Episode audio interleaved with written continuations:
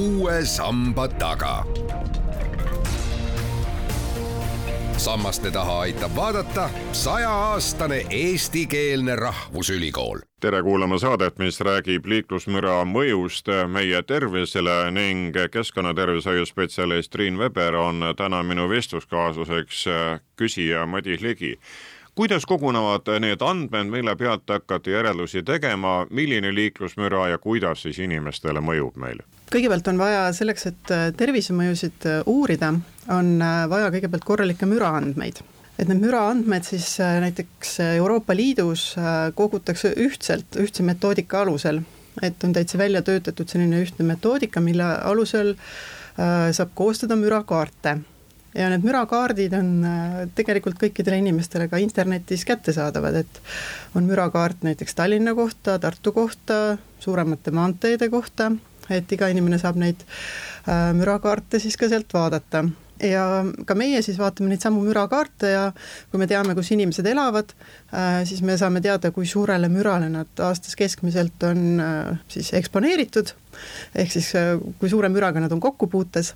ja siis me saame vaadata, et kes on siis suurema müraga kokkupuutes, et kas neil on rohkem mingisuguseid haiguseid kui need siis, kes on väiksema müraga kokkupuutes oma elukoha järgi kas see tähendab seda, et teil on pidevalt väljas siin ja seal andurid, olgu linnas või olgu ka suuremate trasside ääres peal ning siis sealt kogute andmeid ja teete nende pealt juba oma järeldusi ja otsuseid või kui tuleb see uuring, siis selleks ajaks te panete oma tehnilised abilised välja? see müra tegelikult arvutatakse, et see on modelleeritud müra et äh, seal võetakse arvesse äh, autode arvu, ka raskeveokite arvu, ka seda, milline on see maastik, et äh, kui palju see maastik summutab, kui kõrged on seal majad ja nii edasi, et see on päris selline keeruline arvutus. ja noh, esimene mürakaart siin Tartu ja Tallinna kohta on tehtud aastal kaks tuhat kaksteist, et ega varem neid ei olnudki saada ja umbes kaks aastat läheb tegelikult selleks, et see mürakaart nagu üldse koostada, et et siin nüüd kaks tuhat kakskümmend kaks sellel aastal ka, siis on Tartu kohta on juba mürakaart olemas, aga tegelikult see kajastab siis olukorda aastal kaks tuhat üheksateist, et umbes kaks aastat on seda siis arvutatud ja, ja siis te saate nüüd siis praegu seda siis vaadata, et milline oli müra olukord kaks tuhat üheksateist. aga miks te värskemalt ei pane või seda liiga raske kõike korraldada, et panna tänavatele välja ning koguda sealt informatsiooni läbi nende nende andurite mõõteriistade? Äh, no vaadake, müra kogu aeg ju muutub, et äh, sõltub ju sellest, et kui sealt sõidab mingi suur veok mööda, siis on kohe müra väga kõrge, aga seal võib-olla pärast seda ei lähe ühtegi suuremat asja mööda ja on, et see, see on nagu selline muutuv asi ja kuidas seda üldse hinnata, et see on omaette teadus. et, äh, et see on ka nüüd selline siis teaduspõhine metoodika, mille järgi need mürakaardid on üldse Euroopa Liidus praegu tehtud. milline müra selle arvestuse alla siis läheb, millede müra? Äh, meil on jagatud see müra praegu niimoodi, et on äh, autoliiklusmüra, ehk siis äh, kõik need asjad, mis sõidavad siis autoteedel, et noh, põhiliselt autod, aga näiteks Tallinnas lähevad sinna alla ka trammid, mootorrattad, veokid, noh, kõik see, mis tuleb ühesõnaga tee pealt. siis on raudteeliikluse müra, kus on siis rongid, siis on lennuliikluse müra, need, see puudutab siis ainult neid, kes elavad seal lennujaamade lähedal või kellel siis lennutrajektoorid lähevad üsnagi madalalt üle ja siis tööstusmüra. aga noh, tööstusmüra on ka selline, et äh, tavaliselt võib-olla kui kuskil teie läheduses on mingi ehitus, siis see varsti lõpeb ära ja noh, selliseid nagu suuremaid tööstuseid, mis meil siin nüüd mürareostust Eestis põhjustaks, neid nagu noh, väga oluliselt ei ole nii et praegu on meil Eestis need mürakaardid olemas Tallinna ja Tartu kohta? ja põhimaanteede kohta ka, jah. kuidas siis mõjub inimestele see liiklusmüra? Et neid uuringuid on siis ka juba üle maailma päris äh, mitmeid tehtud ja väga erinevaid äh, tervisenäitajaid on siis äh, müraga seostatud, aga noh, kuna need noh, mürakaardid on üsna uus nähtus ikkagi, siis tegelikult neid uuringuid ka väga palju ei ole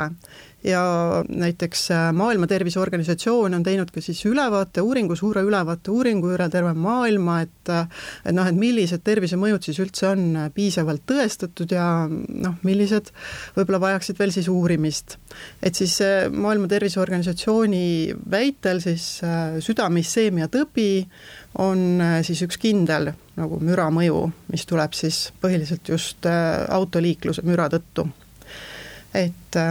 inimesed, kes siis puutuvad kokku suurema autoliikluse müraga, nendel on siis suurem risk saada südame-isseemia tõbi, mis võib siis lõppeda infarktiga. aga on seostatud ka teiste südame-veresoonkonna haigustega, näiteks insult, kõrgvererõhu tõbi, ka vaimse tervise häiretega, näiteks depressioon või ärevushäire ja siis ka selliste haigustega nagu näiteks diabeet ja ja rasvumine on järjest rohkem uuringuid, mis on leidnud seal ka seose. tuleb see stress ka välja, mida liiklusmüra tekitab? jaa, et äh, stress ongi see, mille kaudu need haigused tegelikult võiksid tekkida, et äh, et arvatakse, et, et kuidas üldse müra saab põhjustada näiteks mingit südame-veresoonkonna haigust, ongi ikkagi läbi stressi ja siin on ka siis inimesed väga erinevad, et äh, kes on mürale tundlikumad Äh, keda häirib müra rohkem, siis nendel on ka tegelikult suuremad riskid äh, saada see haigus. et äh, noh, müratundlikkus sõltub sellest näiteks, et vanusest, et vanemad inimesed või nooremad inimesed, haigemad, kellel on juba mingid kroonilised haigused, on mürale tundlikumad, aga see sõltub ka täiesti isiku eripärast, et mõned inimesed lihtsalt ongi, neid häirib müra rohkem kui teisi kui lennuk üle lendab, siis on juba kuri karjas. jah, et äh, see ei ole niimoodi, et, et nüüd üks lennuk äh, midagi põhjustaks, et need äh, tervisemõjud kujunevad ikkagi pikaajaliselt, et siin peab ikkagi aastaid, võib-olla aastakümneid see müra niimoodi mõjutama, et siis see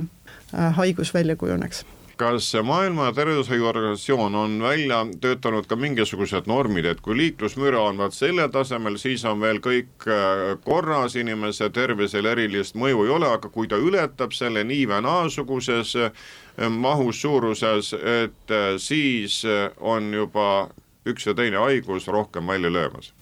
jaa, et Äh, maailma Terviseorganisatsioon soovitab siis, et äh, ööpäeva keskmine autoliikluse müra ei tohiks ületada siis viitekümmet kolme detsibelli.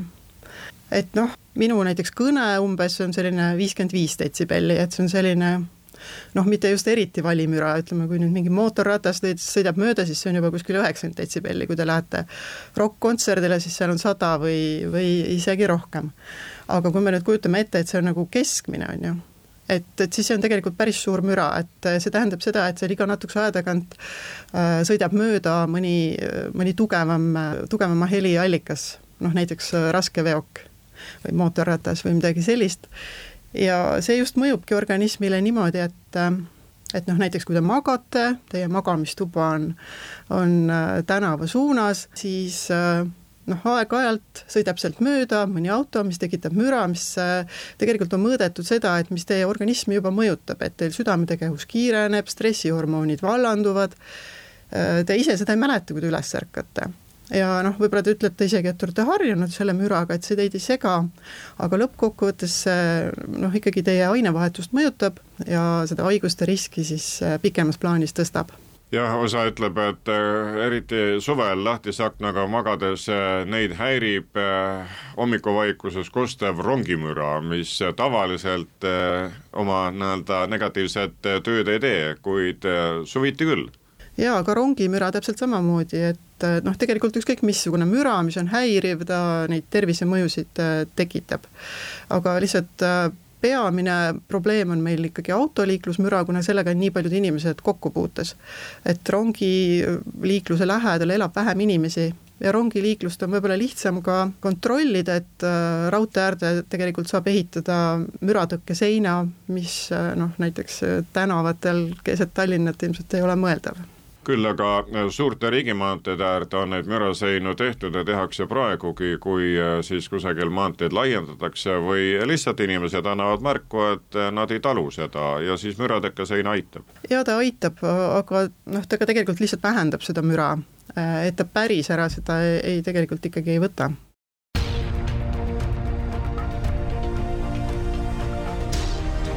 Uue samba taga sammaste taha aitab vaadata sajaaastane eestikeelne rahvusülikool Triin Veber, kui te ütlesite, et need mürakaardid modelleeritakse, aga kuidas siis on müra mõju tervisele, kas seda mõõdetakse, tehakse mingeid konkreetseid uuringuid või siin ka võetakse siis mingi analoogia põhjal, et kui on selline müratase, siis see võib inimestele mõjuda ühe teise haiguse puhul nii või naapidi? ei, seal ikka tehakse konkreetsed uuringud, et äh, seal ikkagi äh, me saame vaadata, kus see inimene elab ja siis me saame nad jagada kahte gruppi, et äh, need, kes on väiksemale mürale eksponeeritud ja need, kes on suuremale mürale, siis me saame neid võrrelda, et vaadata, et need, kes elasid seal suurema müraga piirkonnas, et kas neil on mingeid haiguseid rohkem mina näiteks ise praegu tegelesin äh, viimati selle uuringuga, et kuidas liiklusmüra võiks mõjutada siis seda rasvumist, mis on üsna vähe veel praegu uuritud. et äh, aga meil oli siis küsitlusuuring, et me küsisime inimeste käest, et äh, et kas nende magamistuba on suure liiklusega tänava suunas või mitte ja kui palju nad siis oma magamistoas müra reaalselt kuulevad, et seal hinnanguline neljas palliskaala. Ja see uuring äh, tehti siis äh, Rootsi, Norra, Taani ja Eesti andmete põhjal ja seal võib öelda küll, et äh, et need, kellel siis juba ainuüksi magamistuba oli suure liiklusega tänava suunas, nendel oli vöö ümbermõõt kaks sentimeetrit keskmiselt suurem kui siis nendel, kellel ei olnud. ja samamoodi ka siis need, kes siis nüüd kurtsid äh, väga suurt müra oma magamistoas, nendel oli lausa neli sentimeetrit suurem ümbermõõt äh, kui nendel siis, äh, kes ütlesid, et nende magamistoas müra ei ole.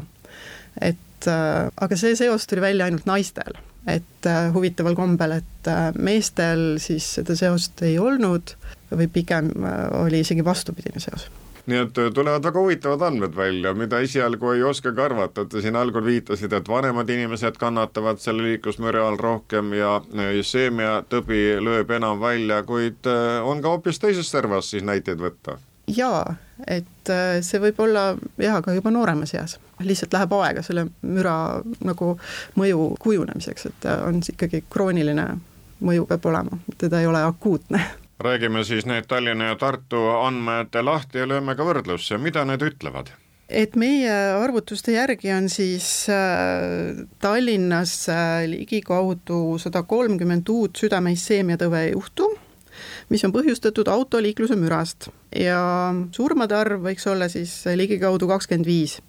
et need on siis sellised äh, hinnangulised juhud, et see nüüd on arvutatud niimoodi, et kui meil see müratase oleks siis väiksem, ehk siis vastaks sellele WHO soovitustele, oleks äh, aasta keskmine äh, viiskümmend kolm detsibelli, ööpäeva keskmine, siis äh, nii palju neid haigestumisi ja surmasid oleks siis vähem südame-seemia-tõppe. Lisaks arvutasime välja ka siis insultide arvu, mis võiks lisanduda, kui see müra nüüd on meil suurem kui viiskümmend kolm detsibelli, et Tallinnas võiks olla siis sada nelikümmend uut insuldijuhtu ja Tartus kakskümmend viis. Et äh, noh, kui me nüüd võtame kokku need mõlemad, et siis äh, kardiovaskulaarseid äh, haigestumisi Tallinnas siis kuskil kolmsada juhtu ja, ja Tartus siis viiskümmend juhtu võiks olla vähem, kui meil see müra oleks siis väiksem ja see on puhtalt siis autoliiklusest. ja noh, me ei ole arvestanud siia neid teisi võimalikke haigestumisi, nagu näiteks siis see diabeet või, või näiteks kõrgvererõhutõbi või ka muid haigestumisi, mis on noh, müraga seostatud, aga mis ei ole veel praegu nii hästi tõestatud kas see on puhtalt selline teaduslik teadmine või te olete linnavõimudele Tallinnas ja Tartus selle informatsiooni ka edastanud, et mis, kus, kuidas mõjub? jaa, et me oleme edastanud ja nii Tartu kui Tallinna linnavõimud on ka selle vastu huvi tundnud, aga see ei ole niisama lihtne probleem neile lahendada, et siin väga palju sõltub tegelikult linnaplaneeringust et kui meil see planeering juba on selline, et meil on üsna autokeskne linnaplaneering, et äh, elumajad asuvad suurte autoteede lähedal, siis äh, noh, seda ei ole nii väga lihtne muuta. aga nüüd, kui me edaspidi linna planeerime, siis me saame suunata autoliikluse siis äh, elumajadest eemale ja sellega siis arvestada aga noh, praegust siis linnaruumi niimoodi ümber teha, et linnavalitsus ja püüab seda teha no eks ringteedega ja transiitliikluse suunamisega kesklinnast kaugemale ole seda ka püütud teha nii palju, kui seda vähegi võimalik on. Jah, just nimelt, et äh, see autode ümbersuunamine ja autodega vähendamine ongi üks põhilisi asju, mis võiks meie tervist äh, linnades parandada, sest autod on ka põhiline õhusaastusallikas tegelikult Eesti linnades. et kui nüüd Ida-Virumaa välja jätta, kus on põlevkivitööstus peamine õhusaastusallikas, aga autod on nii põhiline müraallikas kui ka põhiline õhusaastusallikas ja ka nüüd inimesed, äh, kui te mõtlete selle peale ja valite siis hommikul tööle minemiseks äh, auto asemel näiteks ratta või lähete jalgsi või ka ühistranspordi, et siis on see kasu siis nagu kahekordne. Ja tegelikult see kasu on siis noh, ühiskonnale ja kaaslinlastele, et on vähem võib-olla haigestumisi ja, ja vähem müra ja vähem äh, õhusaastust, aga see mõjutab ka kliima soojenemise riski, et vähem äh, näiteks äh, kuumalainetest tulenevaid ohte. Ja see on ka kasulik teile endale et tegelikult liikumine on üks põhiline tervise mõjutajaid. et äh, liikumine tegelikult mõjutab tervist rohkem kui need keskkonnamõjud, et äh, isegi kui te äh, liigute saastunud õhuga ja mürarikkas keskkonnas, see tervisekasu, mis tuleb liikumisest, on suurem kui see võimalik kahju, mis tuleb sellest õhusaastusest ja mürast. et sellel on siis ja, ja mitmekordsed äh, kasud, et äh, võiks mõelda selle peale. tegelikult on probleemi leevenduseks ju ka üks tehniline tee, see on see, et autod on järjest ökonoomsemad ning nende heitgaaside hulk on väiksem, seetõttu on tervisele mõju ka ehk pisem jaa, et õhusaastuse puhul me oleme näinud, et need näitajad pidevalt vähenevad. aga mida me ei ole näinud müra puhul, et müra ikkagi reostus pigem suureneb kuna järjest rohkem ikkagi tuleb autosid, järjest rohkem inimesi on ka nendega kokkupuutes, kuna järjest ikkagi toimub veel linnastumise protsess ja järjest rohkem inimesi koondub linnadesse,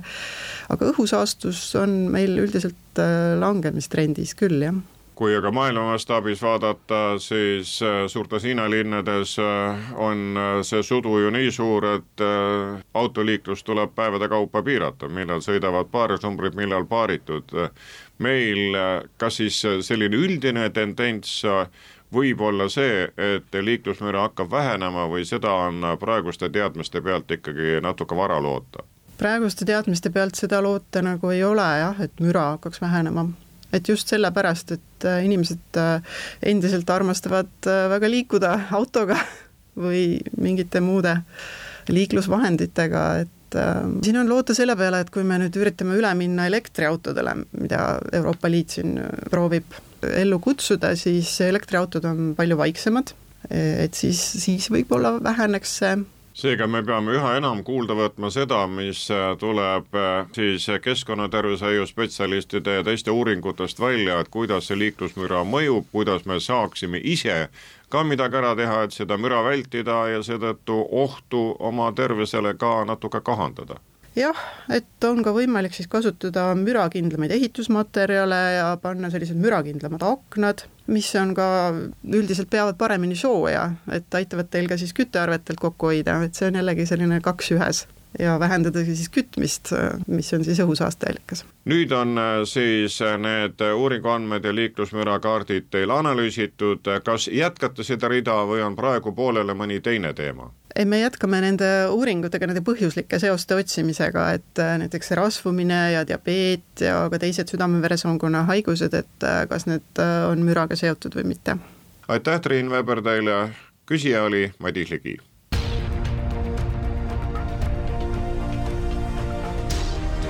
uue samba taga. Sammaste taha aitab vaadata sajaaastane eestikeelne rahvusülikool